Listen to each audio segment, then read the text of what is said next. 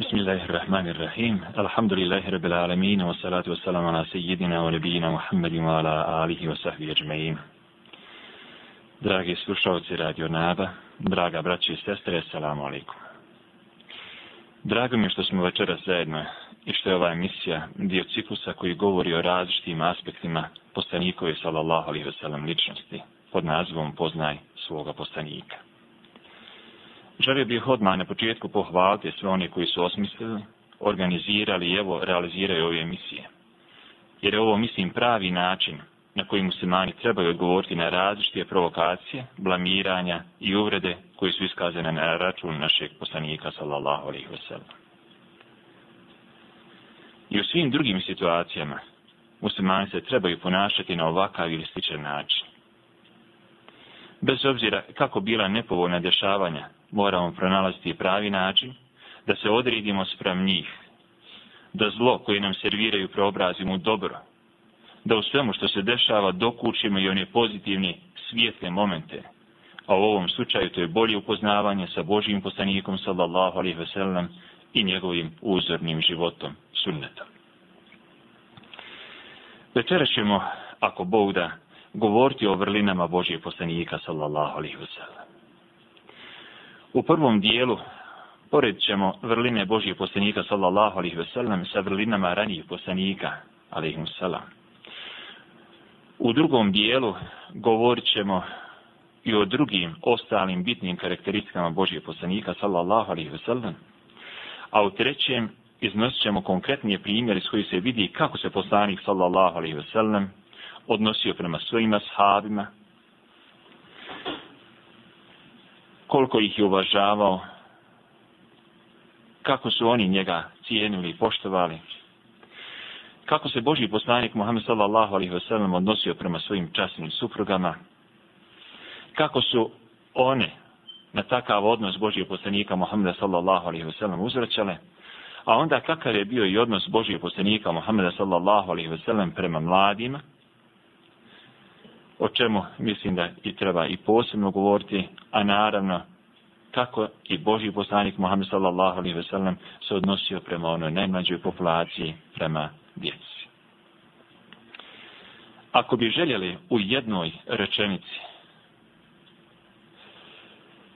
sumirati sve ono što je Boži poslanik Muhammed sallallahu alaihi ve sellem značio kako za svoje, svoju porodicu, svoje sugrađanje, vrijeme u kojem je živio, ali i za svo čovječanstvo od trenutka kada se pojavi na ovoj zemlji, onda mislim da nema ljepše rečenice od Allahu i Đalašanu u riječi kada kaže Bismillahirrahmanirrahim وَمَا أَرْسَلْنَاكَ إِلَىٰ رَحْمَةً لِلْعَالَمِينَ A tebe smo samo kao milost svjetovima poslali. I u istinu, Boži poslanik Muhammed sallallahu alihi wasallam je milost svim svjetovima koji postoji. I sam Boži poslanik Muhammed sallallahu alaihi wasallam je na takav način o sebi govorio po pa jednom hadisu kaže ja i johen nas innama ene rahmatun muhdat o ljudi ja sam u istinu darovana milost Kao poslanik koji nosi univerzalno razumijevanje posljednje Božje riječi ljudima. Jer Allah Đalešanuhu objavljuje Kur'an, svoju posljednju objavu, posljednji, posljednje objavljivanje svoje riječi na zemlju. I Boži poslanik Muhammed sallallahu alaihi ve sellem daje univerzalno razumijevanje, svačanje te Allahu Đalešanuhu riječi a potom tu Allahu Đelešanhu riječ na najljepši mogući način provodi u praksu. I to na takav način, po takvim standardima koji će važiti do sudnjega dana. Muhammed sallallahu alaihi ve sellem je to mogao, znači, i dati to univerzalno razumijevanje posljednje Božje riječi ljudima, ali na najbolji mogući način tu Allahu Đalešanu riječ realizirati u praksi i da to važi i da se na to ugledamo sve do sudnjega dana zato što je Muhammed sallallahu alaihi ve sellem nosio najviše duhovne, psihičke, intelektualne, moralne i tjelesne kvalitete koji se nisu mogli naći ni kod jednog čovjeka tokom cijele historije čovječanstva a pogotovo ne tako objedinjene. Svaki poslanik, čak i prije Božje poslanika Muhammeda sallallahu alaihi ve sellem, sa svojim duhovnim, moralnim i ostalim kvalitetima, isticao se iznad svojih sunarodnika, svoga naroda, jer im je bio uzorom i primjerom, jer ga je odabrao Allah Đelešanu. Ali Boži poslanik Muhammed sallallahu alihi veselam kako su se ti poslanici pojedinačno izdizali i bili iznad svog naroda, na isti način Boži poslanik Muhammed sallallahu alaihi ve sellem se izniže iznad ostalih poslanika. O tome bi prvo želeli večeras govoriti. Boži poslanik Muhammed sallallahu alaihi ve sellem u jednom hadisu koji prenosi Džaber ibn Abdullah kaže مثلي ومثل الأنبياء كرجل بنى دارا فأكملها وأحسنها إلا موضع لبنة فجعل الناس يدخلونها ويتعجبون ويقولون لولا موضع لبنة Hadis na ovakav način prenosi Buhari, bideši. Boži poslanik Muhammed sallallahu alaihi wasallam kaže ja i drugi vjerovjesnici smo poput čovjeka koji je sagradio kuću, završio je i dotjerao. Osim jednog mjesta za još jedan čerpić. Pa su počeli ljudi da ulazi u nju i divaju se, a onda rekoši, e da nije samo onog jednog mjesta za čerpić. U Ebu Hureyre ovoj predaji stoji dodatak, fe ena labine, wa ana khatimun nabiyyin. Ja sam taj čerpić. Ja sam taj zasvodni kamen. Ja sam pečat vjerovjesnika. Boži poslanik Muhammed sallallahu alaihi ve sellem završava taj ciklus vjerovjesnika, poslanika i on je taj pečat koji daje boju, ljepotu i cijelom ciklusu. Kada pogledamo Božije poslanike, prije Muhammeda sallallahu alaihi ve sellem. Svaki od njih je imao neku od posebno izraženih karakteristika, posebno izraženih osobina. Božji poslanik Muhammed sallallahu alaihi ve sellem posjeduje tu karakteristiku, ali i još većoj mjeri. Sjetimo se, na primjer, Ibrahima sallallahu alaihi ve sellem, alaihi salama, i njegove jačine vjere, njegove duhovne snage. Mislim da nam je taj slučaj svima dobro poznat kada Ibrahim, ali i Salam, dolazi kao mladić svome narodu, poziva ga da vjeruje jednog gospodara, stvoritelja. Boli ga to što njegov narod obožava razne kipove, pa čak i njegov otac, Azer, učestvuje u tome. I on čak kleše te kipove. I na kraju Ibrahim a.s. ne ostaje ništa drugo nego ulazi u to njihovo svetište i sve do jednog osim posljednjeg ruši. A onda kada su to vidjeli njegovi su narodnici i dolopoklonici upitaše ko je to uradio. Pa neko reče mi smo čuli nekog mladića Ibrahima kako ružno govori ovim kipovima. I onda ga pozvaše. Ibrahim ali i salam dođe i kada ga upitaše zašto si to uradio, on reče nisam to ja uradio nego ovaj najveći među njima. A onda oni se začudiše. Kako možeš tako reći da je uradio to taj najveći među njima kada on i ne može im da se makne, a kamo da njih poruši. A onda Ibrahim alaihissalam reče, on ne može ni da se makne, ni da bilo šta, ni zlo, ni dobro doprinese tim sebi najbližima. A kako onda može vama dobro ili zlo donijeti? I da poklonici se malo zbunše, ali pošto ne, nisu imali drugog argumenta, odluči da Ibrahima ali i Salama uništi, da ga ubiju. Interesantno da je to način rješavanja problema svih onih koji znaju da ne zastupaju istinu. Ako ne mogu da se bore silom argumenta, onda se bore argumentom sile. Žele silom, snagom, moću da unište istinu. Što se dešava? Vatra je bila tolika da nisu mogli tek tako ubasi Ibrahima, ali i salama u nju nego prave katapult i onda izbacuju Ibrahima alaih salama u tu vatru. Ibrahima sallallahu alaihi wasallam u tom trenutku je pred očitom smrću vidi da je gotovo bačeni u vatru. Međutim i tada u takvom trenutku kaže hasbi Allahu anijam al -vakir. Meni je dovoljan Allah i na njega se ja oslanja. Divan li je on oslanac? Divan li je on oslanac? I u tom trenutku, kada je smrt sasvim neizvjesna, Ibrahim, alaihi selam, sjeća se svoga gospodara i na njega se jedino oslanja. I šta se dešava? Allah Đelešanu u tom trenutku od te vatre koja sagorijeva i spaljuje sve što može – i sve što dođe do nje, čini da vatra bude hladna i spasonosna. Ovdje vidimo tu jačinu vjere Ibrahima, ali i salama. Bez obzira na probleme na koje je naišao, bez obzira na očitu smrt, direktno se oslanja na Allaha Đelešanu i samo od njega traži pomoći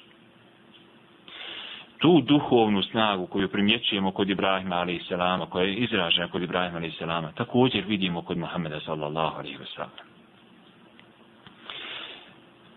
Vrlo kratko ćemo proći kroz život Božih poslanika Muhammeda sallallahu alaihi wa sallam i da vidimo ka, kako je on težak život imao, kako je sve probleme u životu imao i kako ih je podnosio.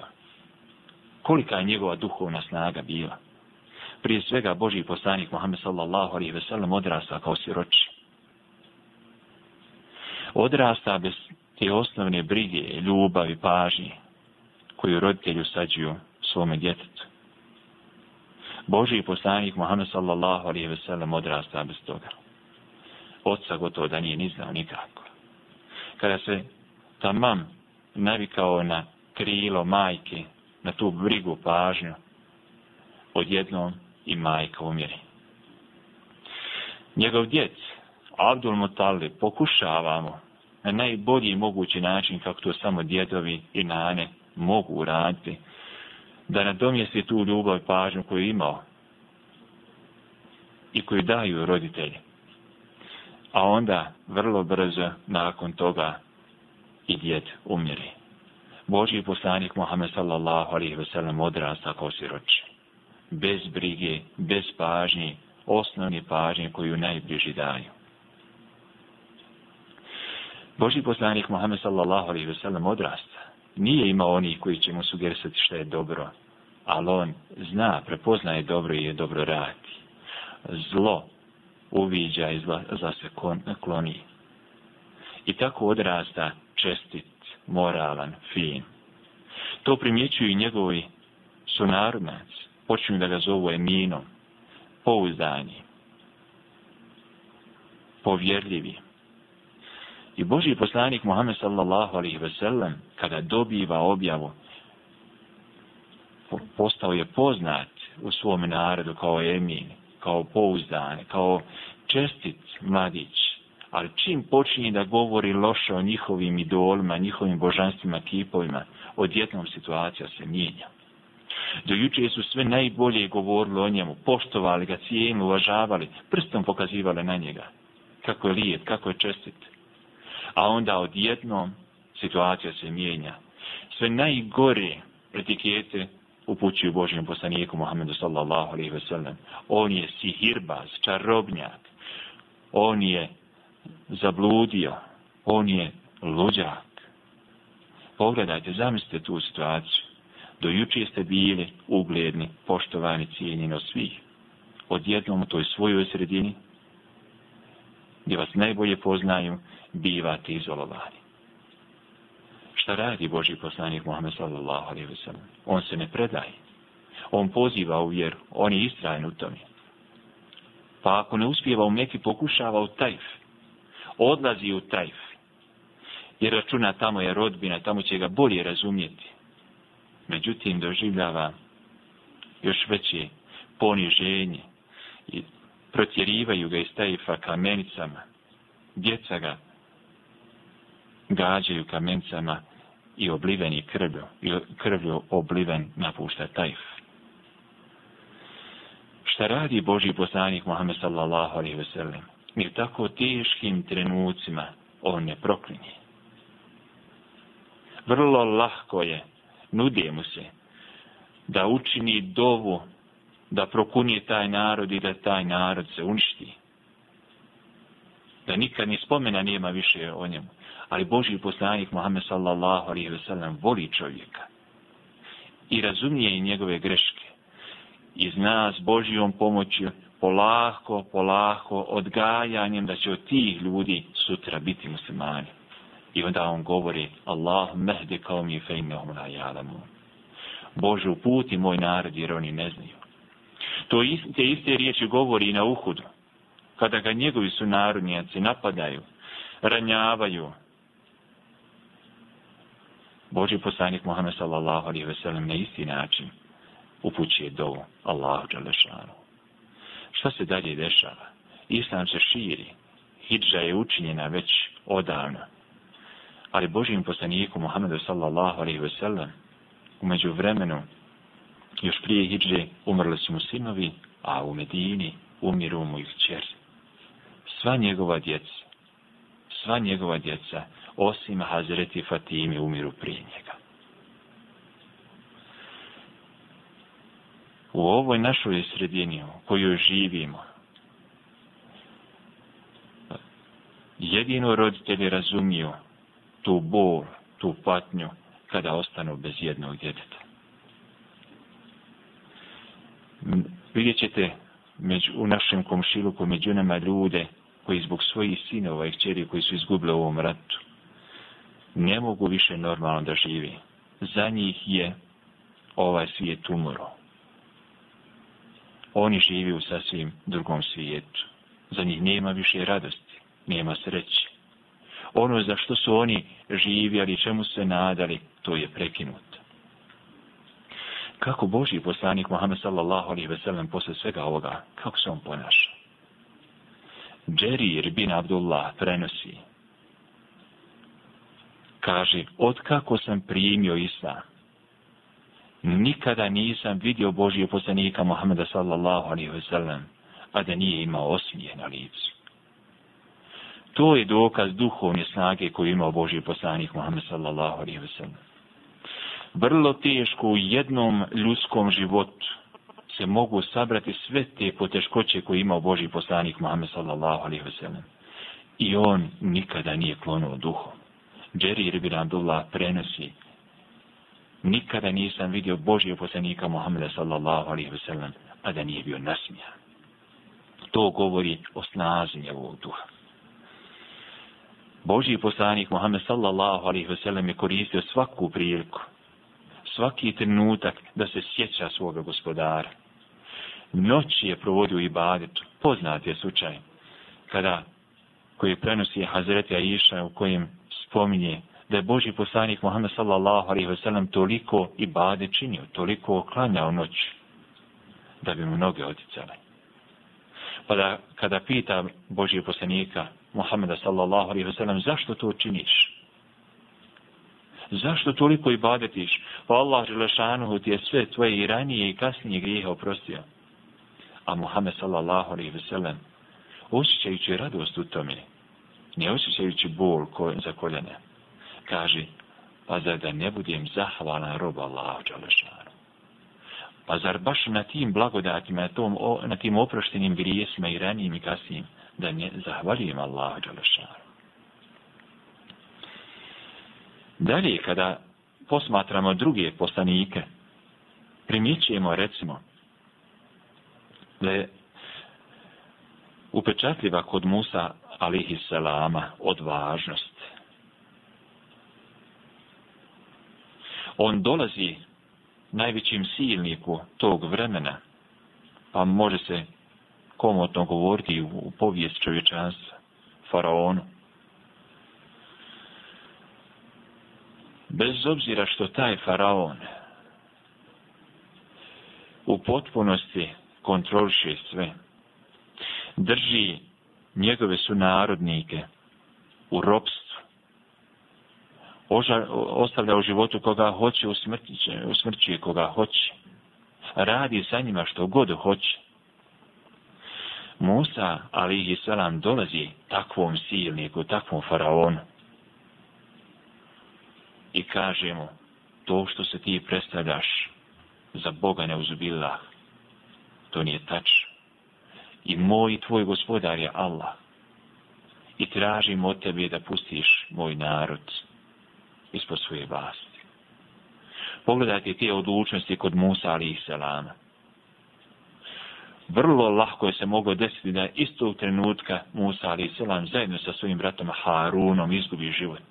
Toga je bio i svjestan i Musa ali selam. Ali on je odlučen, on je hrabar jer zastupa istinu, jer se bori za istinu i to mu daje snagu i odlučnost. Na isti način Boži poslanik Muhammed sallallahu alaihi ve sellem postupa u različitim situacijama.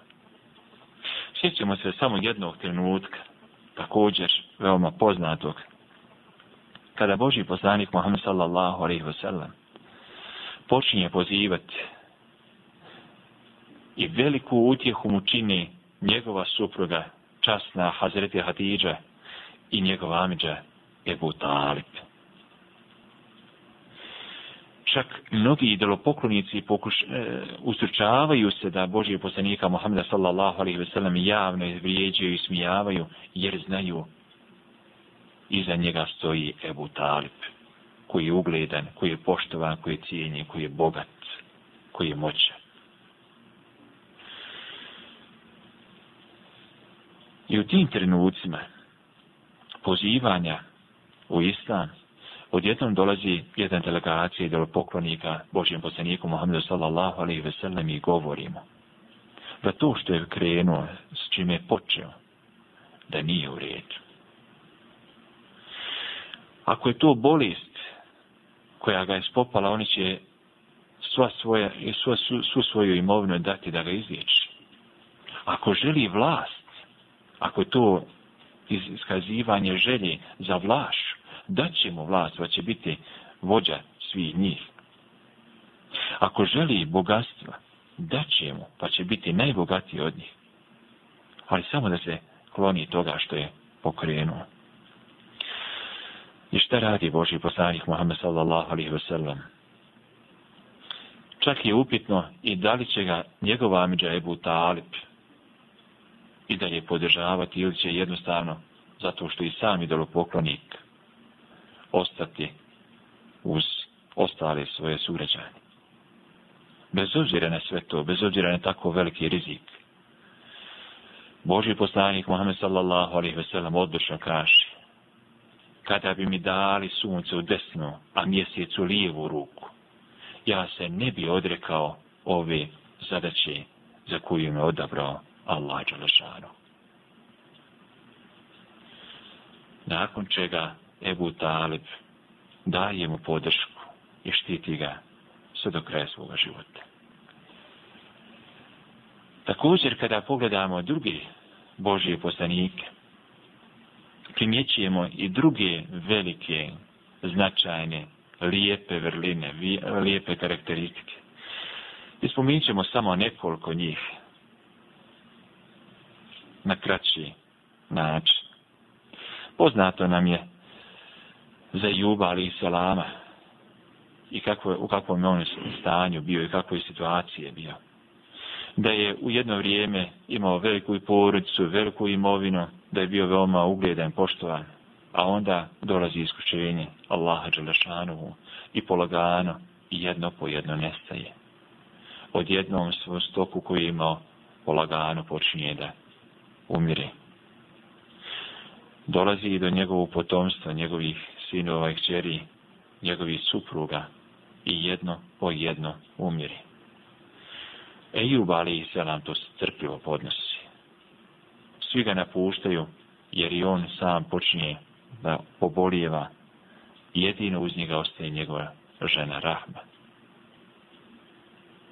Svi su ga napustili, svi su ga ostavili, ali on i dalje je strpljiv i zahvaljuje Allahu Đalešanu. I na kraju, kada se dokazao postojanim čvrstim u tom iskušenju, Allah Đalešanu u postepeno mu sve vraća. I zadobiva imovine više nego što je imao. Zadobiva veće potomstvo nego što je ranije imao. I biva zdrav, srećan sa svojom poricom. Božji poslanik Muhammed sallallahu alaihi ve sellem od početka svoje misije od početka svoje zadeće, od početka poslanstva, na različite načine biva proganjan, biva šikaniran. Ali Boži poslanik Muhammed sallallahu alaihi ve sellem nosići onu duhovnu snagu koju mu je Allah Đalešanu podario, to lahko, lahko prebrođava. Sjetimo se samo jednog slučaja. Kada jedan od ashaba, Habab ibn Aret, dolazi Božijim poslaniku Muhammedu sallallahu alaihi ve sellem, a on, kako kažu, kako prenose biografi, prenosioci, je bio naslanjen na Kaabu. I Habab ibn Aret, sav u afektu, zbog teške situacije u kojoj se muslimani nalazi, mnogi od njih proganjaju, mnogi su neki od njih su čak i ubijeni zato što slijede islam i zato što su napustili svoje božanstvo koje se ranije obožavali. Habab ibn Arat dolazi Božijem poslaniku Muhammedu sallallahu alaihi wa sallam u takvom stanju, kaže mu, Ela te stensiru lena, ela ted ullaha lena. Zar nije ćeš tražiti pomoć za nas, zar nije ćeš moliti Allaha Đalašanu da nam pomogne? A onda Božji poslanik Muhammed sallallahu alaihi wa sallam govori, Jesu, ovo su teška vremena u kojima mi živimo. A kao Boži poslanik Muhammed sallallahu alaihi wasallam da govori i o našem vremenu, i o našim prilikama. Teška su i ovo vremena u kojima muslimani žive. Ali, kaže Boži poslanik Muhammed sallallahu alaihi wasallam habab imel arat. U priješnjim narodima, prije vas, bilo i onih koje bi kojima bi iskupali u zemlji rup i jamu, pa bi stavili u tu e, e, jamu, a onda bi uzeli testeru i rezali glavu i njihovo tijelo na dva dijela. I to ih ne bi odvratilo od njihove vjeri. Ili bi drugi opet češljali železnim gvozdenim češljevima, razdvajajući meso i kosti. Ni to ih nije odvrata od njihove vjere. A onda Boži poslanik Muhammed sallallahu alaihi wasallam kaže Wallahi, la yutim menne hazel emre hatta jesire rakibu bin san a ila hadra maut la je hafu illa Allah au zi'be ala ga nemi walakin nekome te stađilu. Tako mi Allaha, ova misija, ova zadaća koja je pokrenuta, završuje se, okončat će se na najljepši mogući način. Tako da će jahač između ostalog ići iz sanje do hadrmeuta, ne bojeći se na tom putu nikoga drugog sem Allaha i vuka za svoje stado, ali vi požurite. Boži poslanik Muhammed sallallahu alihi wasallam je svjestan, ako želimo postići velike rezultate, oni se ne mogu postići preko noći. Brojnije poteškoće moramo proživjeti, moramo kroz njih proći da bi znali cijeniti to čemu težimo. Također kada govorimo recimo o Sulejmanu, ali i Salamu, karakteristična je za njega razboritost, pronicljivost i mogućnost da prodire i ona teška pitanja, teške situacije u koje drugi nisu mogli pronići. O jednom takvom slučaju prenosi se hadis u kojem se kaže da su neke dvije žene se sporile pred Davudom, ali i salamom, ocom, Sulejmanovim, ali i salam, o tome čije je dijete vuk pojao. Imali su dvoje djece kraj sebe, čuvali uzase i onda je došao neki vuk i zgrabio jedno od te djece i onda svaka od njih govorila da je to dijete koje je živo ostalo, da je njeno. Kada ih je saslušao Davud Ali i Selam, presudio je da to dijete pripadne starljoj. Nakon toga su došli kod Sulejmana Ali i Selama, gdje nisu bili zadovoljni presudom i Sulejman Ali i Selam kaže dajte mi nož i ja ću vam to na fin način presuditi. Ja ću to dijete koje je preostalo raspoloviti i svaka će imati dio tog djeteta. A onda u tom trenutku mlađa žena reče, zavapi, dadni ga njoj, samo ga nemoj sjeći. Na osnovu te reakcije Suleman Ali Selam vidje da je u stvari to majka i da to dijete njoj pripada. Dalje, za Jakub Ali Selama je karakterična samilost. On gubi svoga sina Jusufa, Ali Selama, ali kaže, in nema ešku besi vahuzni Allah. Ja svoju tugu i svoj jad jedino mogu iskazati Allahu Đalešanu, svome gospodaru. Za Ismaila Ali Selama karakteristična je predanost poštovanja autoriteta starijih. Zadržat ćemo se još samo na ovom detalju vezano za Ismaila ali i Salama i sjetiti se čednosti Jusufa ali i Salama. Ismail ali i Salam U Ismail ali i Salamu dolazi njegov otac Ibrahim i kaže O sine moji ja sam usno vidio da treba da te žrtvujem. Pa šta ti misliš? Pogledajte te situacije i prenesimo to u naše podnijede, u naše vrijeme. Otac dolazi svome djetetu i kaže, sanjao sam da treba da te zbog mojih ideala, zbog onoga što ja osjećam da je vrijedno, treba da te žrtvujem kako bi djeca reagovala. Najmanje što mogu urati jeste samo da se okrenu i da kažu pa to je absurdno, to je nelogično. Kako se mogu takvi zahtjev postavljati? Kako otac može to djeti svome postavljati? Drugi bi dječak, dijete, sin, čirka, koji, bi, koji žele se i konfrontirati i objašnjavati određene stvari, onda upitale, pitale, oca, pa babo, pa pogledaj, pa ti su sanjao, pa svako svašta sanja. Pa u krajnjem slučaju sačekaj, možda će ti nasnu i usnu još nešto drugo doći. Da ne govorimo o onima koji bi se usprotivili i ne daj Bože napali na svoga oca i svoju majku. Šta u takvoj situaciji radi Ismajla Lisela? Svjestan da dobro, dobro samo dobro dolazi od njihovog gospodara, od Allaha Đelešanu. Svjestan da mu njegov roditelj želi samo dobro. Ismail a.s. kaže, čuveni poznate riječi, if al ma tu'mer se te židu inša Allah mine sabiri. Ja ebeti, oče moj, a radi ono što ti se naređuje, vidjet ćeš ako bouda da ću biti od onih koji su strpljivi to je primjer poštovanja koje trebaju djeca da imaju prema svojim roditeljima. To je primjer kako treba izgrađivati autoritet starije kod naše djece, kojih nažalost ima sve manje i manje i možemo skoro reći da ga nije ima.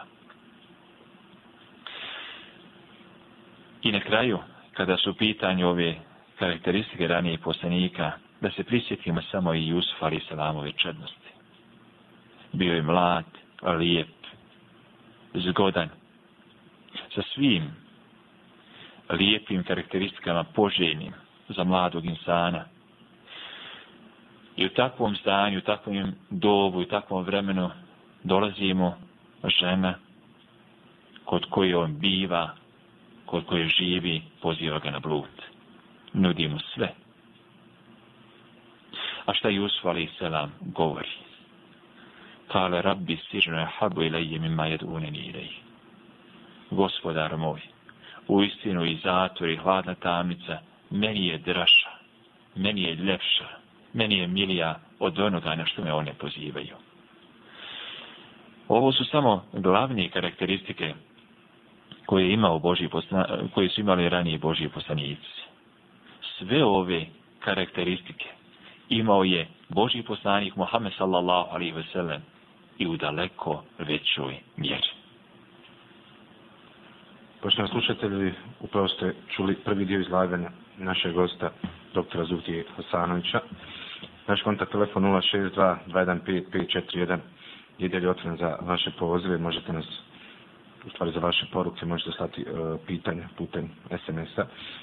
Pristigla su par vaših pitanja, e, s tim da većinu pitanja koja su prisutila nisu vezana za temu. E, kao što smo kazali i proteklih večeri i e, sad ćemo kazati da ova pitanja koja su pristigla, da ćemo iz njih odabrati samo ona, prvenstveno ona koja su vezana za temu, a ostala, ako ostane vremena, ćemo i na njih odgovarati. 062-215-541 je naš kontakt telefon, pa možete i dalje slati vaše pitanja slušatelji, kao što smo i obećali nakon jedne ilahije, mi smo opet tu sama.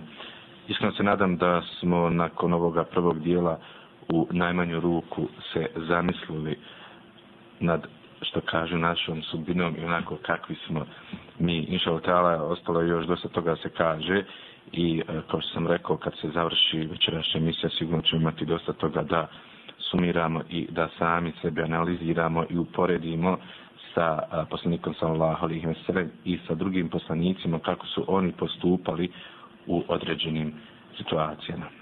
Ko se možda tek sada uključio, samo da kažemo da je večerašnja naša tema moralne osobine poslanika sallallahu alejhi ve sellem i e, tome slično e, doktor Zuhdija Hasanović je naš gost i u drugom dijelu će nam nastaviti kazivanje o ovoj temi. Bože.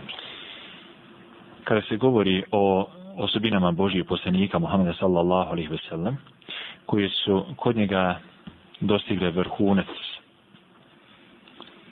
i u najvećoj mjeri su bile zastupljene komu o se može reći u odnosu na sve druge ljude u povijest čovječanstva, onda možemo razlikovati one urođene osobine koje je Boži poslanik Muhammed sallallahu alaihi ve sellem zadobio samim svojim rođenjem i na osobine za koji je imao pretpostavke i na koji je utjecao da se razviju na najbolji mogući način. Među onim urođenim osobinama s kojima je Boži poslanik Muhammed sallallahu alaihi ve sellem rođen, između ostali spominje se savršenost njegove tjelesne konstitucije. Interesantno je Nadje se taj detalj koji, koji govori o toj ljubavi koju su kroz sva stoljeća iskazivali muslimani prema svom Božijem poslaniku, Muhammed sallallahu alaihi ve sellem, da je svaki detalj koji se odnosi na njegov život, na njegov biće, pa i na sve tjelesne osobine, njegov tjelesni izgled, u potpunosti zabilješen. Svaki detalj, kako je lice bilo Božije poslanika Muhammeda sallallahu alaihi ve sellem sačuvan je i o tome su napisana brojna djela. Uglavnom, ona su poznata pod nazivom Šemail. Vrline Allahovo poslanika. Jedna od njih je i od imami Tirmizije koja je prevedena na naš jezik, a to je uradio naš Husein Efendija Omer Spajić. Svi oni koji želi da, da u detalje saznaju kako je Boži poslanik Muhammed sallallahu alaihi wasallam izgledao, kakva je njegova kosa bila, kakav je njegov nos bio, oč, to mogu saznati u potpunosti iz tih vijela. Kada se govori o toj tjelesnoj konstituciji Božijeg poslanika Muhammeda sallallahu alaihi wasallam, interesantno je spomenuti da je i potom je bio iznad ostali svojih sunarodnika.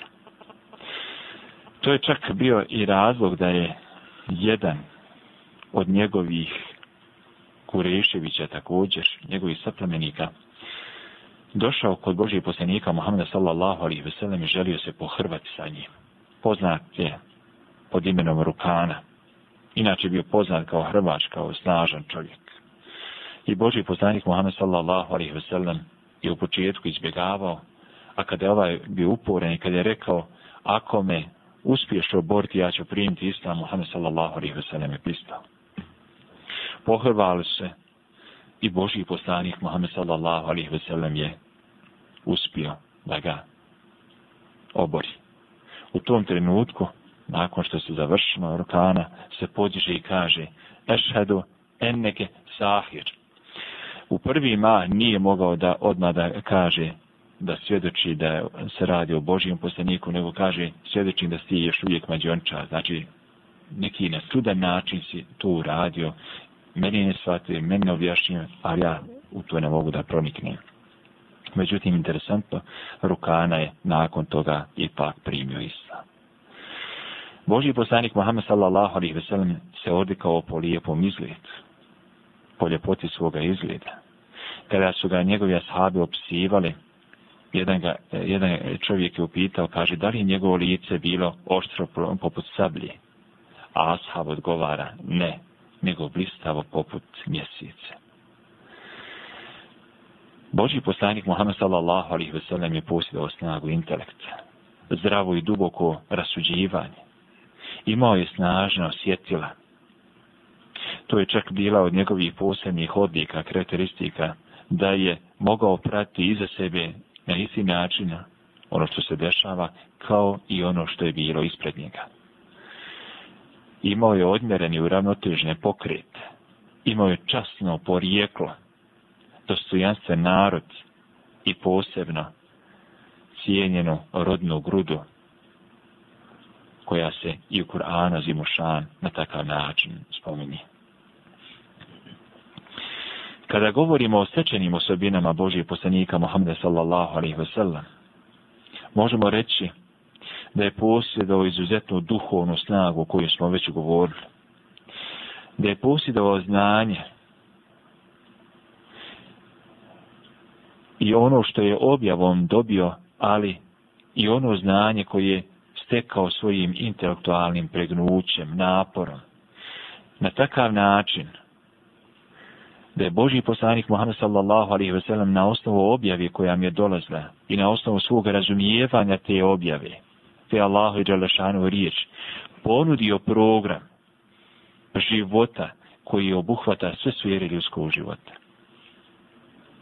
i koji je aktuelan, svjež i nov, kako u njegovo vrijeme, tako i dan danas. Bitno je samo proučavati razumijevati na pravi način te preporuke, sugestije i narode Božije poslanika Muhammeda sallallahu alaihi ve sellem i dan danas mi možemo na najljepši mogući način ustrojiti svoj život, život svoje poruci i život društva u kojem živimo.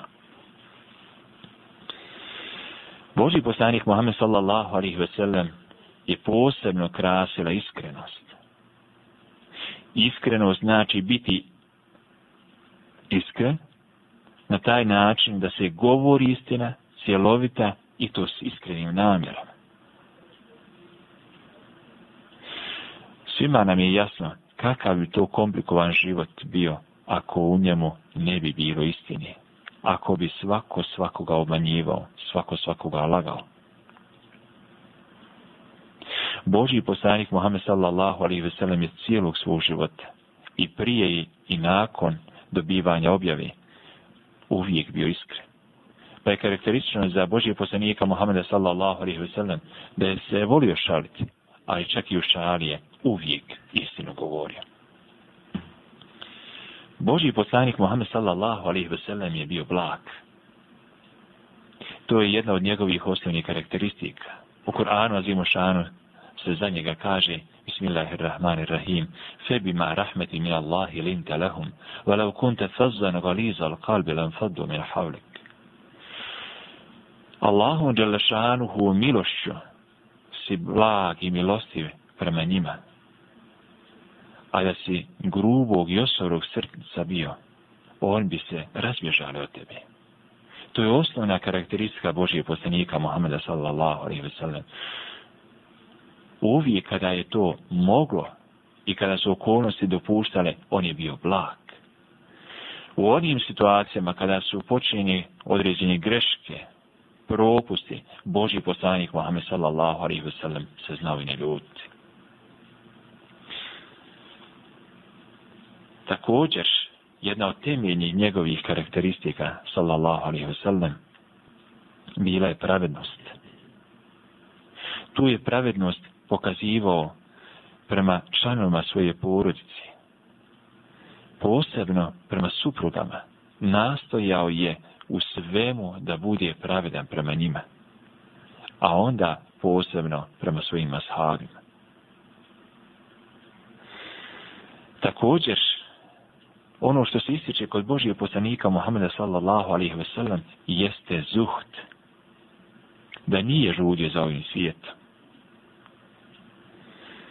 Veoma je skromno Mohamed sallallahu alaihi wa sallam živio. Skromno se oblačio i veoma malo jeo.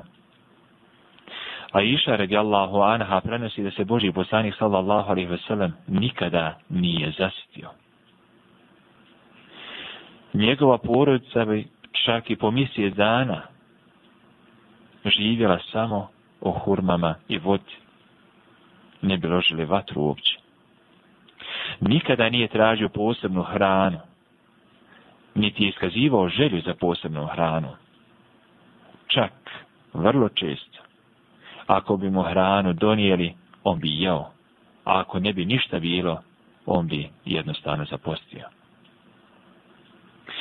Jednom je Boži poslanik Muhammed sallallahu alaihi ve sellem ležao na Hasuri. I ashabi koji su bili tu prisutni, Kada je on ustao, vidjeli su tragove te hasure na njegovim umbarek leđima, pa su neki od njih se i rasplakali. Ti si najodabraniji, Allah Đorašanu ho rob, a tako se mučiš, a oko tebe su silnici, vladari susjednih država koji uživaju u svemu i svačemu. A Boži poslanik Muhammed sallallahu alaihi ve sellem je na to rekao, a šta ja imam s ovim svijetom? Bio je skroman i ponizan. Posjećivao je siromašni, sjedio s njima. Odazivao se i na poziv i robova. U njegovo vrijeme još uvijek je bio robovlasnički sistem. Još je bilo robova. Sjedio bi među svojima shabima tamo gdje bi se red završavao. Nije imao zasobnog mjesta, niti je tražio da mu se posebno mjesto odredi. vrlo često bi čak govorio, kako to prenosi i Omer radijallahu anhu. La tutruni kema atretin nesa rebne mnerim, fe inema ene abduh, fakulu abdullah wa rasuluh. Često bi govorio, nemojte mu uzizati kao što su Israilčani uzizali Isa alaih salam, kao što su kršćani uzizali Isa alaih salama. jer ja sam samo Allahu Đelešanuhu rob. Recite, ja sam Allahu Đelešanuhu rob i njegov poslanik. Jednom prilikom kada mu sebu u Hurire nudi da mu ponese robu koju je Boži poslanik Muhammed sallallahu alaihi ve sellem kupio u čaši, Boži poslanik Muhammed sallallahu alaihi ve sellem govori, vlasnik je najpreći da nosi svoje. Uvijek je kada je to trebalo i kada je postojalo opravdanje za to praštao. Naravno onima koji su to zaslužili. U vrijeme oslobađanja Mekije okupljenim sugrađanima koji su ga prije osam godina najgorije način šikanirali i ponižavali na kraju bio primoran i hijđu učiniti zbog toga poslanik sallallahu alaihi wasallam se obraća riječima. Šta mislite da ću raditi s vama danas? A oni odgovoriše, ti si plemenit i plemeniti je loze. Tada poslanik sallallahu alaihi ve sellem reče, reći ću vam kao što je Jusuf alaihi sellem rekao svojoj braći, ja vas danas neću koriti. Idite, slobodni ste.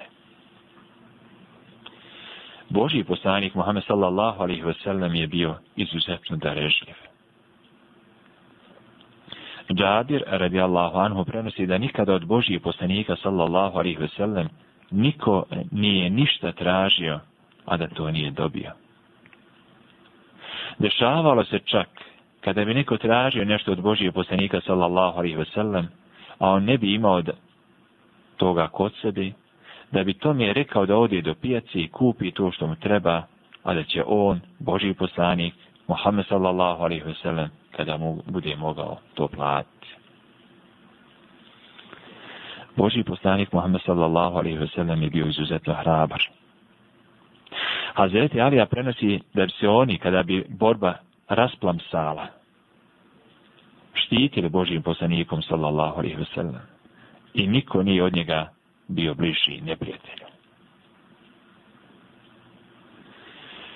poznati su različiti slučajevi gdje se jasno pokazivala hrabrost Božije poslanika Muhammeda sallallahu alaihi wa sallam.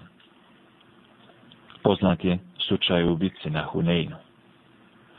Kada je muslimane zavladala panik, bez obzira na njihov broj, kada su počeli da bježe na različite strane. U tom prvom trenutku, najbitnijem trenutku, Božiji poslanik Muhammed sallallahu alaihi wa sallam glasno a njegove riječi još glasnije prenosi njegov Amđa Abbas, govori ane nebi la kezid. Ja sam vjerovjesnik, nema laži, a nebno Abdul Muttalib. Ja sam sin, ja sam potomak Abdul Muttalibov.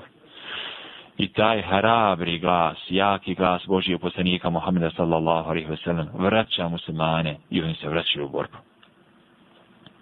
S druge strane, Božji poslanik Muhammed sallallahu alaihi ve sellem je bio stiden. Ebu Sejid el-Hudri radijallahu anhu prenosi da je Boži poslanik sallallahu alihi wasallam bio stidljiviji od djevice, od mlade, od djevojke u svojoj odaji, po svojim šatorom, po svojim velom. Ako mu nešto ne bi odgovaralo, to bi mu se odma na licu primijetilo. Kada god bi čuo za nešto ružno, nikada Boži poslanik Muhammed sallallahu alaihi ve sellem ne bi imenovao osobe koje to čine, nego bi uvijek uopćeno govorio. Šta je to tim ljudima, pa tako i tako radi? Boži poslanik Muhammed sallallahu alaihi ve sellem je bio dostojanstven. Hazreti Alija prenosi da je Boži poslanik sallallahu alaihi ve sellem tako izgledao da bi onaj koji bi ga po prvi put vidio osjetio strahopoštovanje prema njemu. A onaj koji bi se s njim duže družio, zavorio bi ga. U jednom hadisu koji prenosi Ebu Mesud se kaže Ete nebije sallallahu alaihi ve selleme ređulun fekellemehu feđale tur'adu fera isuh fa kala lehu hevina alaik فإني لست بملك إنما أنا ابن امرأة تأكل القديد Kaže Boži poslanik Muhammed sallallahu alaihi ve sellem, kako to prenosi Ebu Mesud, Ukbe ibn Amr, da je neki čovjek došao vjerovjesniku sallallahu alaihi ve sellem i razgovarao s njim. Pa se taj pridošlica, taj čovjek koji je došao pred poslanika sallallahu alaihi ve sellem, počeo tresti od straha. Tada mu poslanik sallallahu alaihi wasallam reče, smiri se, nisam ja nikakav vladar. Ja sam sin žene koja je jela na suncu osušeno meso. Boži poslanik Muhammed sallallahu alaihi wasallam je, kao što je to i kao što smo i naveli, Jerry Ibn Abdullah govorio da je vrlo često gledao na licu Božije poslanika Muhammeda sallallahu alaihi ve sellem osmijeh. Božiji poslanik Muhammed sallallahu alaihi ve sellem je bio raspoložen. Volio se čak našaliti, ali nikada time ne bi povrijedio nikoga. Kada bi se neke interesantne stvari desile, također Božiji poslanik Muhammed sallallahu alaihi ve sellem bi ih popratio osmijehom. Takav je slučaj u bitci zato Sulasel, kada je Amr ibn As, poznat je vojskovođa, zato što je u noći polucirao, takav uzeo tejemom i predvodio svoje suborce u namazu. Kada su to prenijeli Božijem poslaniku Muhammedu sallallahu alaihi wasallam, i Božiji poslanik Muhammed sallallahu alaihi wasallam ga upitao, zašto je to uradio, kako može džurnu poklanjati drugima. Amr ibn As je odgovorio. Ja sam čuo da je Allah Đelešanu rekao, odnosno u Kur'anu Azimušanu stoji La tulku vije i dijekum ili ruke. Nemojte se svojim rukama bacati u propast. Ja sam se bojao da mi se šta ne dogodi i ja sam tako postupio na ove riječi Boži poslanik Muhammed sallallahu alaihi wasallam samo se nasmijao.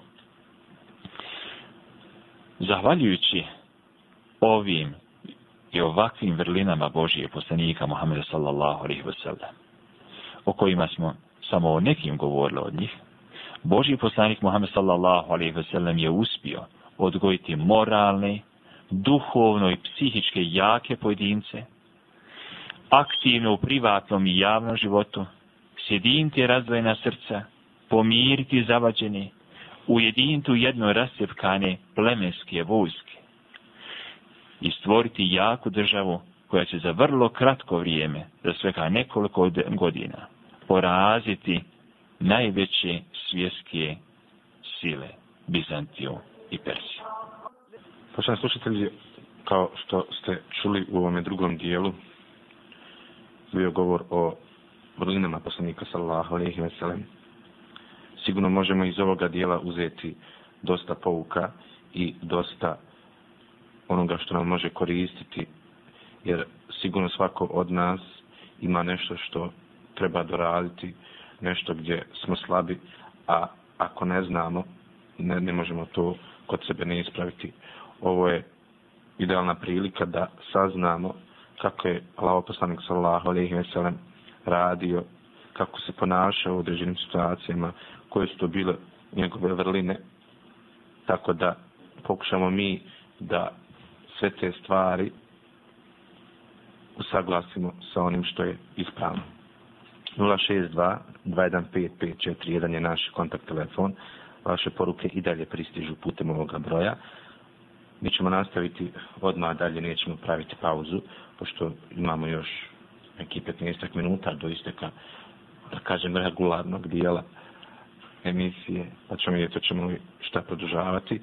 Uh, još jedan dio i onda ćemo više letala ostaviti prostor za vaša pitanja.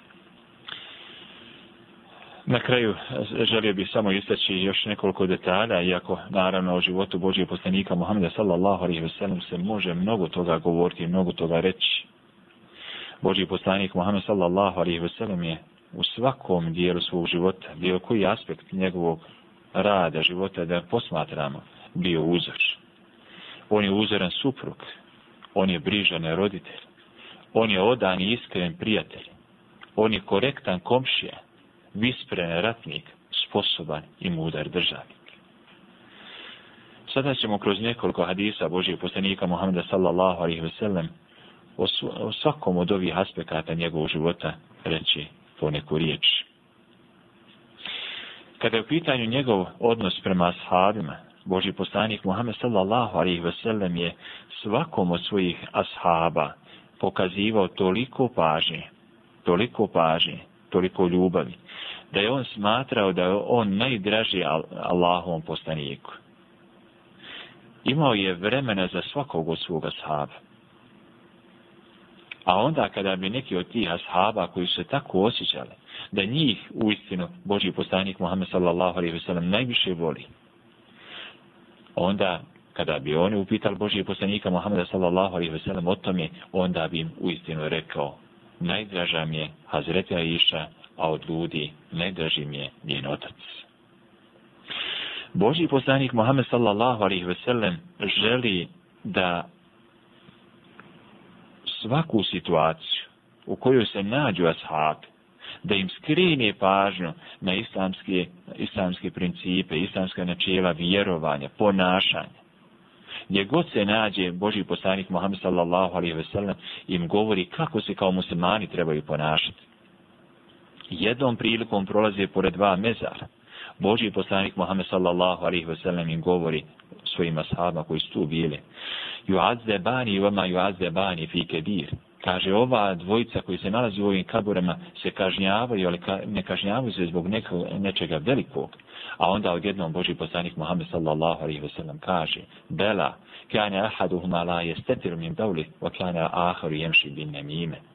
Naravno, jeste, ipak, to je veliko. Jedan od njih je prenosio tuđe riječi, od jednog do drugog, želeći da napakosti je, želeći da izazovije zlo među ljudima, da naruši dobre odnose među ljudima, a drugi se nije čuvao urina, nije čuvao mokreći. Boži poslanik Muhammed sallallahu alaihi ve sellem na taj način skreće pažnju svojima sahabima na ogavnosti i postupaka. Drugom prilikom Boži poslanik Muhammed sallallahu alaihi ve sellem ulazi na pijacu gleda, posmatra kako se ponašaju trgovci, kupci i u jednom trenutku zavlači svoju ruku u pšenicu i osjeti vlažnost. Pita vlasnika, pita prodavca, šta je ovo? A on kaže, sa betu se mao, ja rasulallah. Pa Boži postaniče pokisto, pa je zato mokro. Kaže Boži postanik Muhammed sallallahu alaihi ve sellem, dobro. Znači, može se neke nepredviđene stvari desiti, objektivne stvari, problemi, desiti čovjeku. Ali, efe lađe altehu fevokata am, kejte rahun nas. A zašto onda tu pšenicu koja je mokra, koja je takva kakva je, nije se stavio na vrh da je ljudi vide na gaše na fralise mina i onda Boži poslanik Muhammed sallallahu alaihi ve sellem kaže ko nas vara na bilo koji način, ko nas obmanjuje, taj ne pripada nama ne može se smatrati muslimana. Boži poslanik Muhammed sallallahu alaihi ve sellem je posebno žestoko reagirao ako bi neko zloupotrebljavao vjeru ili na pogrešan način je razumijevao i predučavao drugima. Jednog dana, jednog jutra dolazi jedan ashab Božijem poslaniku Muhammedu sallallahu alaihi ve sellem i kaže doista Boži poslaniče ja skoro da ne dolazim na namaz na, sabah, na, na sabah namaz zato što taj ima tako dugo i dugo uči Boži poslanik Muhammed sallallahu alaihi wasallam se tada žestoko ne ljutio i onda kaže doista među vama ima oni koji razgoni Boži poslanik Muhammed sallallahu alaihi wasallam svu ljubav svu pravednost pokazuje ne samo ashabima, ne samo kada nastupa kao Boži poslanik vani, u džematu, u društvu, nego također kada se nalazi u svojoj kući, u svojim domovima, u sobama svojih časnih supruga. On je blag, on je željan da pomogne svojim suprugama i to u istinu čini. On je pravedan, svakoj supruzi je odredio posebnu noću, i on to praktikuje i on je to dosljedno provodi. I te kada obolijeva pred svoju smrt, onda moli ostale supruge da mu dozvole da bude u sobi Hazreti Aiše, da se ne premješta iz sobe u sobu. Boži poslanik Muhammed sallallahu alaihi ve sellem je pravedan prema svakoj od njih. Blag je prema njima, nikada kako to prenosi Hazreti Aisha, Božji poslanik Muhammed sallallahu alaihi ve sellem, nije tjelesno kaznio ni jedno od svoje djece sluga ili bilo koju od svojih žena. To pokazuje kako treba musliman da se ponaša prema svojoj suprosi. Kako treba da se ponaša prema svojoj obitelji, prema svojoj porodici. Biti blag izvršavati svoje obaveze, razumijevati potrebe svoje djece, ali naravno uvijek sankcionirati negativno ponašanje. Na različite načine, ali tjelesna kazna, tjelesna kazna ipak dopuštena, ali posljednja kazna ili posljednja mjera koja je inače dopuštena kod roditelja. Interesantno je da kada se govori o časnim suprugama Božih poslanika Muhammeda sallallahu alaihi ve sellem i one su također bile uzorne u svakom pogledu.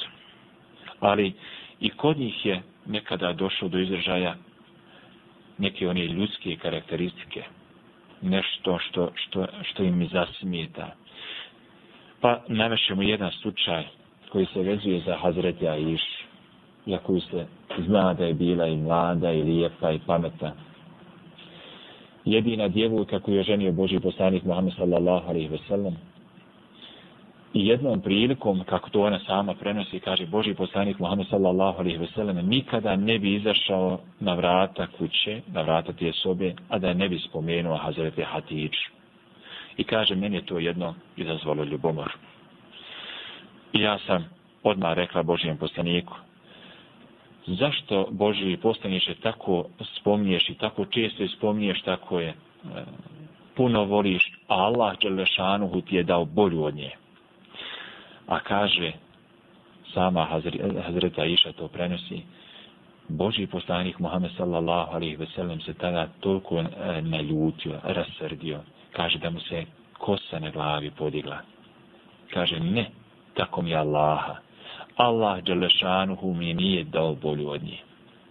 Ona me je zaštitila kada su me svi drugi napustili. Ona me u meni je povjerovala kada su me svi proganjali i poricali. Ona mi je i svu djecu izrodila. I kaže Hazreti Aisha, ja se nakon toga nikada više nisam usudila da bilo šta kažem ružno o Hazreti Hatiću kada je u pitanju odnos Božije poslanika Muhammeda sallallahu alaihi wasallam prema mladima, to je posebna tema i o tome bi se također mnogo, mnogo, mnogo moglo govoriti. Dovoran je podatak da bi se razumjela situacija u kojoj živi Boži poslanik Muhammed sallallahu alaihi wasallam, komu se odaziva.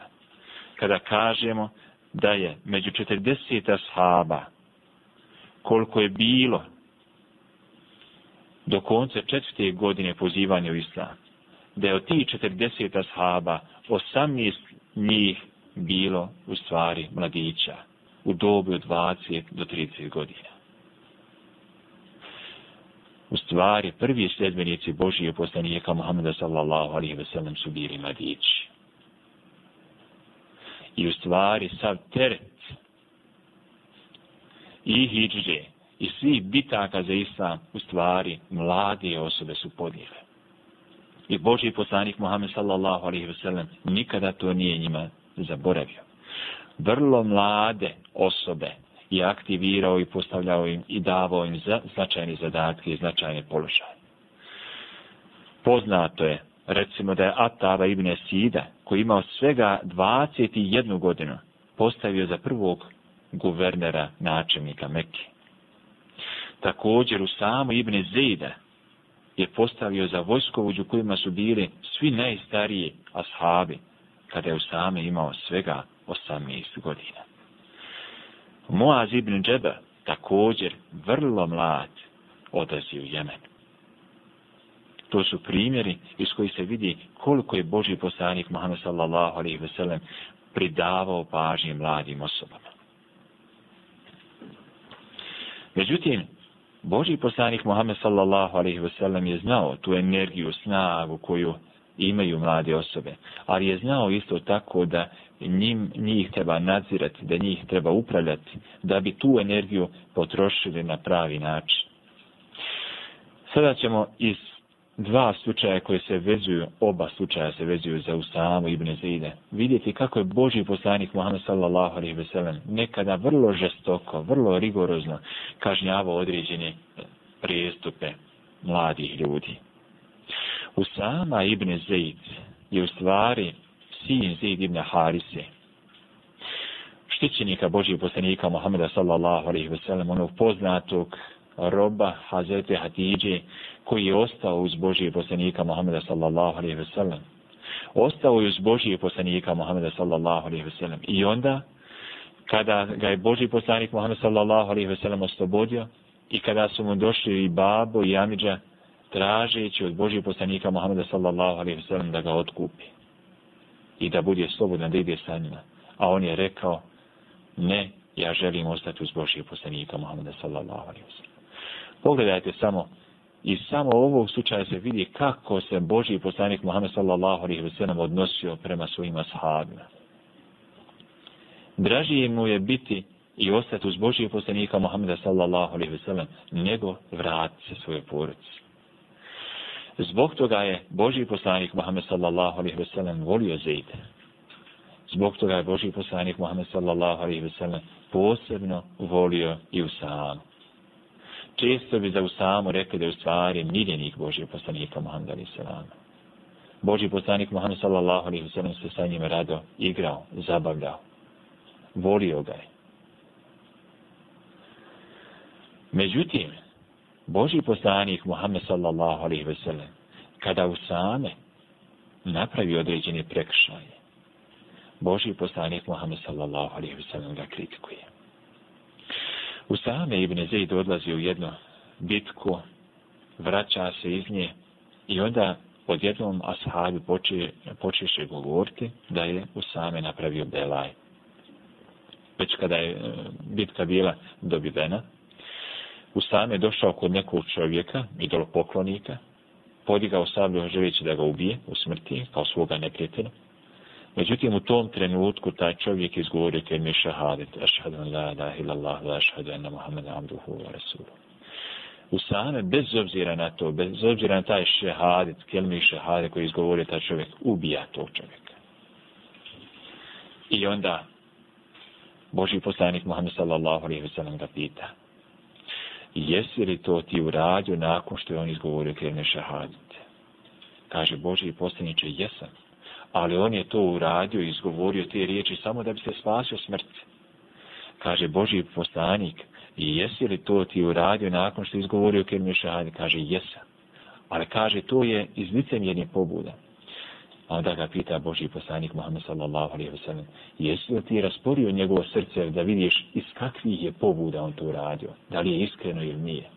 I toliko ga je kritikovao Boži poslanik, Mohamed sallallahu alaihi wasallam toliko je klitkao u sam da on rekao kamo se reći da sam tek tada primio islam.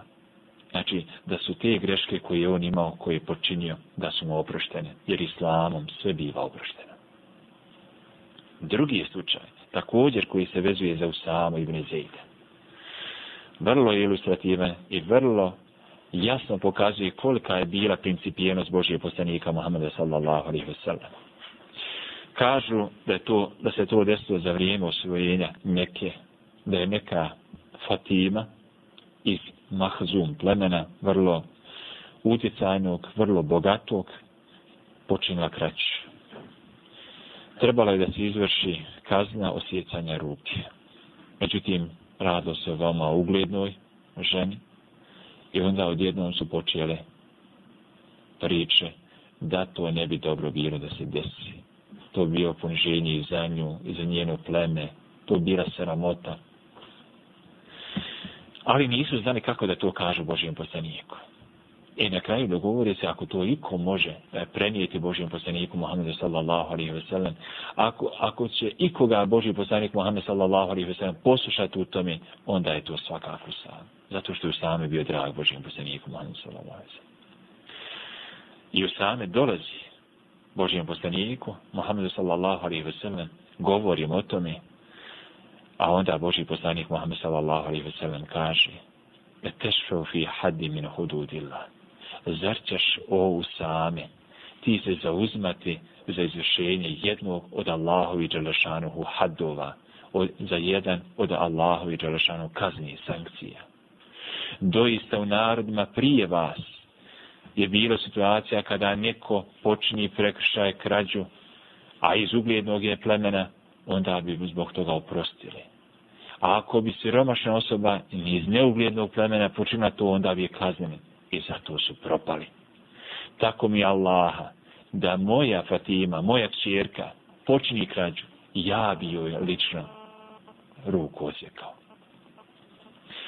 Iz ovih primjera vidimo koliko je Boži poslanik Muhammed sallallahu alaihi ve sellem bio principijelan i koliko je u stvari nastojao da i te mlade ljude na ispravan način kanališe da ih na ispravan način usmjeri. Boži poslanik Muhammed sallallahu alaihi ve sellem također je imao vremena i imao razumijevanja i za dječicu. Nalazio je trenutke da se igra sa svojim unucima Hazreti Hasanom i Hazreti Huseinom. Izuzetno veliku pažnju i brigu posvećivao prema Enes ibn Maliku, za koji prenosioci kažu bio je deset godina u domu Božije poslanika Muhammeda sallallahu alaihi ve sellem, izmetio ga. Ali kaže, za to vrijeme nikada Božji poslanik Muhammed sallallahu alaihi ve sellem nije povisio glas. Nikada ga nije kritikovao ni zašto, a kamo li udario. Nikada, kaže Enes ibn Malik, nikada mi nije rekao zašto si to uradio, odnosno zašto nešto nisi uradio. Takav je bio Boži poslanik Muhammed, sallallahu alihi wasallam. Kada sumiramo na kraju sve ovo o čemu smo govorili, možemo reći da u Božijem poslaniku, sallallahu alihi wasallam, vidimo milostivog čovjeka, čijim osjetljivom srcu ne promiče ni najmanja pojedinost kada su u pitanju ljudske potrebe i patnje. On vodi računa o njima, pruža im podršku, udovoljava im, jer on ljude voli. Vidimo čovjeka koji tadašnjim vladarima, šefovima svjetskih sila, piše i od njih traži da napuste ispraznu oholost, ali također s razumijevanjem i strpljenjem sluša bosonogog beduina koji iz neznanja kaže Mohamede, budi pravedan, jer imetak nije tvoj, a i tvoga oca. Vidimo pobožnog čovjeka koji klanja namaz i uči duge sure iz Kur'ana, sav ushićen i radostan, i koji tu slast ne bi zamijenio za čitavu zemlju napunjenu kraljevskim krunama i zlatom. Vrlo često Boži poslanik Muhammed sallallahu alaihi wasallam je govorio kurratu ajni fi salah, moja stvarna radost, moja sreća je u namazu. I vrlo često kada bi ga zaokupile razni problemi, razne brige, govorio Bilalu, erihna bi salah ja Bilal, prouči ezan o Bilalu i odmori nas namaza. Daj nam da se razrahatimo u namazu. Ali ova zanesenost namazom kod Božijeg poslanika Muhammeda sallallahu alaihi ve sellem ne traje dugo.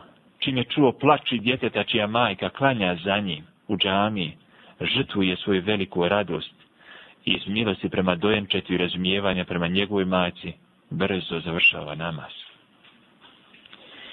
Vidimo čovjeka pred kojim pokorno stoje svi oni koji su ratovali protiv njega, koji su ga mrzili, i koji su nakazili tijelo njegovog amđe, šehida Hamzije, čije su srce zvjerske žvakali, vidimo ga kako im kaže, neću vas koriti, idite, slobodni ste. Vidimo čovjeka koji sa svojima shadma dok su na putu sakuplja drva da nalože vatru i skuhaju hranu. Postanika koji tako ljudski pretrni za drhti kad vidi pretovarenu životinju da je mučeju vidimo domaćina koji svojim rukama muzi ovce, krpi odjeću i popravlja obuću. Vidimo pravednog prijatelja koji stoji među svojim vjernim pratiocima i govori im, koga sam udario po leđima, evo mojih, neka me udari. Ali također vidimo ga i kao najodabranije biće koje nastavlja kročiti tamo gdje i Džibrije staje. Vidimo ga kao čovjeka koji njegovi sljedbenici vole bez obzira što ga nikada nisu vidjeli i slijede njegov život bez obzira što ih stoljeća od njega dijeli. Ovim bi za večeras završili ukazivanje na neke od tih najznačajnijih, najbitnijih karakteristika koje je imao Boži poslanik Muhammed sallallahu alaihi wa sallam zbog čega će ga i sam Allah Đelešanu u Kur'anu Azimušanu osloviti, odnosno za njega reći o inneka la ala huluke nazijem. Doista si ti, Mohamede, bio na najvišem stepenu morala. Maulaya fadana ma Poštovani slušatelji, i sa ovim trećim dijelom smo završili vezano za večerašnju temu, izlaganje našeg vrata doktora Zuftije Hasanovića, a tema je bila vrline moralne osobine poslanika sallahu alaihi veselem. Nakon pauze od možda minut mi ćemo početi sa odgovorima na vaša pitanja. Ima dosta pitanja koja su pristigla, a mi ćemo ovako pokušati izabrati ona koja su vezana uz temu. I kao što smo obećali, nakon e, kratke pauze mi ćemo pokušati odgovarati na vaše pitanje. 062-215-541 je naš kontakt telefon.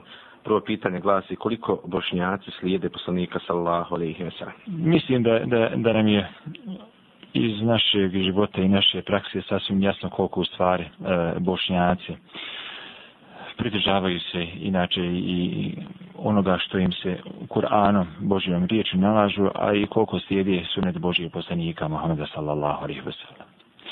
Ono o čemu smo večeras govorili jesu ideale prema kojima um, svaki od nas, svaki muslima treba težiti. U krajnjem slučaju da kažemo svaki čovjek. Znači, e, mi vidimo da u stvari bošnjaci su preživljavali različite krize, različite periode, koji su i kako utjecali i na njihov vjerski i moralni život.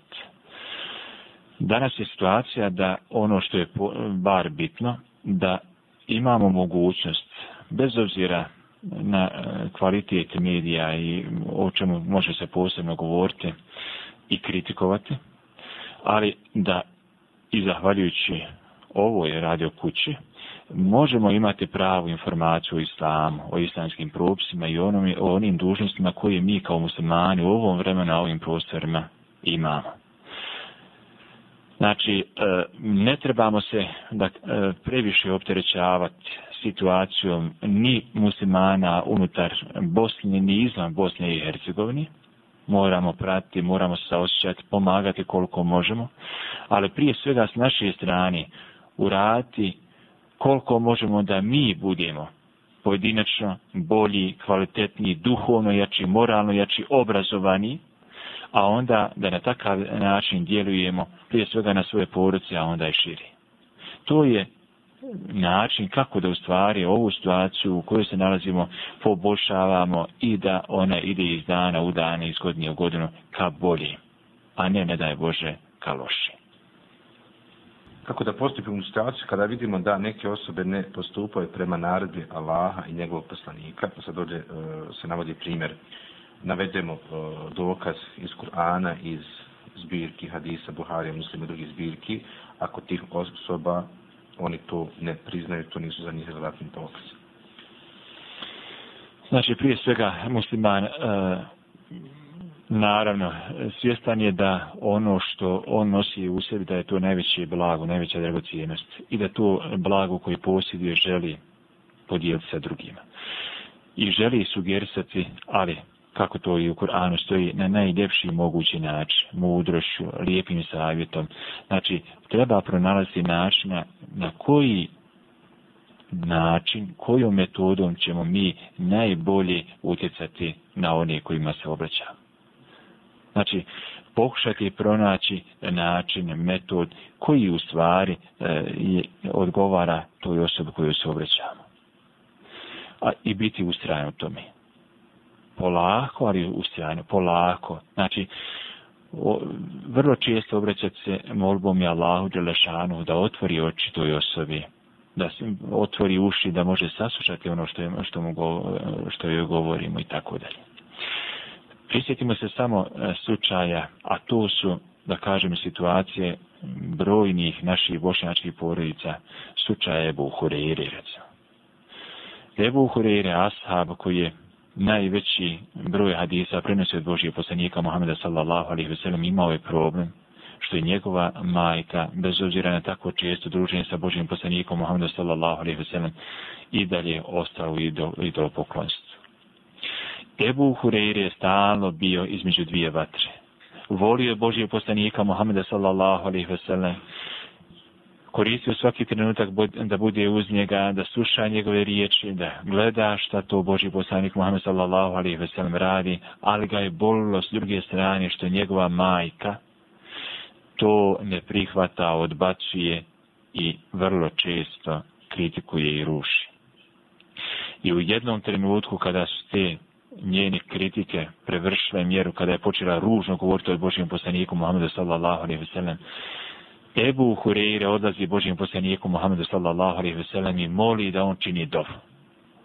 I na kraju sve se, da kažemo, lijepo završava i majka Ebu Hureyre prihvata islam. Znači, to su naravno pokazatelji da sa svoje strane, koliko možemo, ulažemo maksimalne napore, da potrudimo se, možda Možda smo i mi u krivu, možda nismo odabrali pravi način.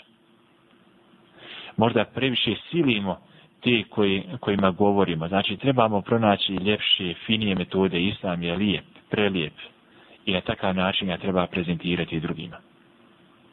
A onda je često moliti Allaha Đalešanuhu da nam pomogne u tome. Da pronađi nam, pronađemo pravi način, da otvori oči, uši, tome našem dragom i sanu koji želimo puti da on tu uputu i prihvat. Molim vas, subhanu tala, da ove riječi i odgovore na ova pitanja budu nama postrek da počnemo i raditi na kako treba. Moja sestra klanja, pa prestane, pa opet klanja, pa opet prestane. Bojim se kada je Allah već putio, pa ona tako ostavi praktikovanje islama, da je Allah subhanu tala iz srca u potpunosti ne uzme islam zbog njenog igranja sa propisima vjere. Komentar, ako može, vaše goste. Naš e, pristup islamu, odnosno naše vjerovanje, je na raštim nivoima, raštim deređama.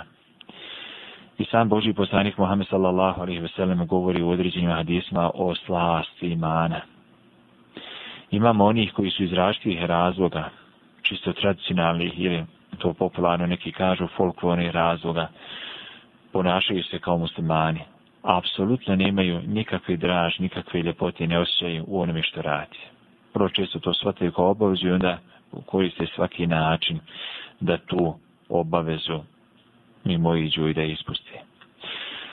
S naše strane, ono što, što možemo uraditi jeste da eh, omjelimo takvim osobama te osnovne temelji islama, te temelji islama. Da govorimo o značaju namaza, šta tu u stvari namaz predstavlja u životu čovjeka. Da je u stvari tu naša velika šansa, ne obaveza, nego šansa da razgovaramo sa našim gospodarom da se pojadamo na sve ove probleme koje imamo, da se zahvalimo Allahu Đelešanu na blagodatima koje uživamo. Znači, da shvatimo da je tu u stvari kako je to bilo na određen način samom Božim poslaniku Muhammedu sallallahu alaihi ve sellem zadovoljstvo. Mi sigurno i vjerovatno ne možemo osjetiti osjet tu slas i draž koju osjetio Muhammed alaihi sallam, ali možemo se truti da makar blizu toga budemo. Znači, sugerisati, razgovarati sa takvim osobama. Je, jedna arapska poslovca kaže, rađula duvo lima džehula čovjek je neprijatelj prema onome, e, prema onome što mu je nepoznato, što ne zna. Ako mi u istinu dobro upoznamo našu vjeru, znaćemo je cijeniti. Ako je ne poznajemo dobro, onda se možemo na različite načine ponašati. I vrlo često možemo doći u situaciju i da je zabacimo za reč, jer ne znamo je cijeniti. Da su krivi roditelji koji svojoj djeci dozvoljavaju mnoge stvari? bez problema sin dolazi kući sa djevojkom, a i kćerka sa svojim momcima dolazi bez problema. Kažu roditelji, neka ih mladi su. Naravno, bez obzira u kakvoj poziciji bili, šta radili, znači, shodno našim pravima i dužnostima, mi smo i odgovorni. Mi kao roditelji smo odgovorni I kako to kaže Boži poslanik Muhammed sallallahu alaihi ve sellem, smo imami, vođe u svojim porodicama. I odgovorni smo za to ponašanje. Boži poslanik Muhammed sallallahu alaihi ve sellem u hadisma hvali mlade insane, mlade ljude koji tu svoju energiju troši u ibadetu. Pa kaže da će jedna od osoba koja će biti u hladu na sudnjem danu biti mlada osoba koja je odrastala u islamu, u ibadetu. I pogledajte koliko hajra, ne samo za islam, nego za našu društvenu zajednicu, našu porucu, može uraditi takva odgovorna osoba, aktivna osoba koja se predaje ibadetu. Znači, nemamo vremena da puštamo našu omladinu da radi što god hoće, a onda kada ostari da se vraća islamu i da se vraća ovim vrijednostima. Znači, mi smo odgovorni s naše strane koliko je to u našoj mogućnosti i sprem naših mogućnosti i odgovornosti. Koliko možemo, trebamo da utječemo. Trebamo da govorimo mladim ljudima, jasno da im ukazujemo šta nije u redu, šta jeste u redu i da budemo u tom istrajni. Kazali ste u primjeru o odsjecanju ruke da su prijašnji narodi propali iz razloga što su prema uglednim ljudima bili blagi, a prema siromašnim su jel, sprovodili taj zakon. Mnogi u svijetu, a pogotovo kod nas, samo kada su u pitanju siromašni i slabi, sprovode zakone, a bogati su nedokućivi. Da li da se mi nadamo propaste da vas malo tada? Mm, znači, e, Allah Žešanu u svojoj knjizi govori o različitim načinima ponašanja. Govori o ponašanju onih koji čini grijehe, koji čini razne prekšaje i o tome kako njih snalazi e, različite vrste kazni, propast i slično. Znači, bez obzira kako mi sebi smatrali, kako mi e, sebi držali ili koja im, imena mi nosili, znači, o nama govori u stvari naše ponašanje. I mislim da je to sasvim dovoljno odgovor znači, na ovo pitanje. Znači, nije bitno kako mi sami sebe zovimo i kako mi s, s, s, imamo mišljenje o sami sebi, nego u stvari e, govori se o tome kako je naše ponašanje. I zavisno od našeg ponašanja i Allah Đelešanu na različite načine kažnjavao takve osobe. Znači, ako čovjek u svom životu pribjegava određenim grijesima, propustima, pribjegava nemoralnom načinu življenja. Allah Đelešanu huće ga na različni način staviti na kušu ili kazniti. Bez obzira što on može sebi busati u prsa i govoriti ja sam musliman. Međutim, njegovo ponašanje, njegov način života govori nešto sasvim drugačije. Ima još dosta pitanja postane slušatelje, ali još samo ćemo jednu forstu staviti inšala i ovako ćemo djelivati misiju. Slušajući vašu emisiju, bojim se za sebe. Čak se nakon ove emisije, emisije ne osjećam dobrim muslimanom. Šta mi je najpreće da prvo promijenim u svom životu? To je, da kažemo, dobra reakcija. Dobra reakcija i dobrog e, muslimana.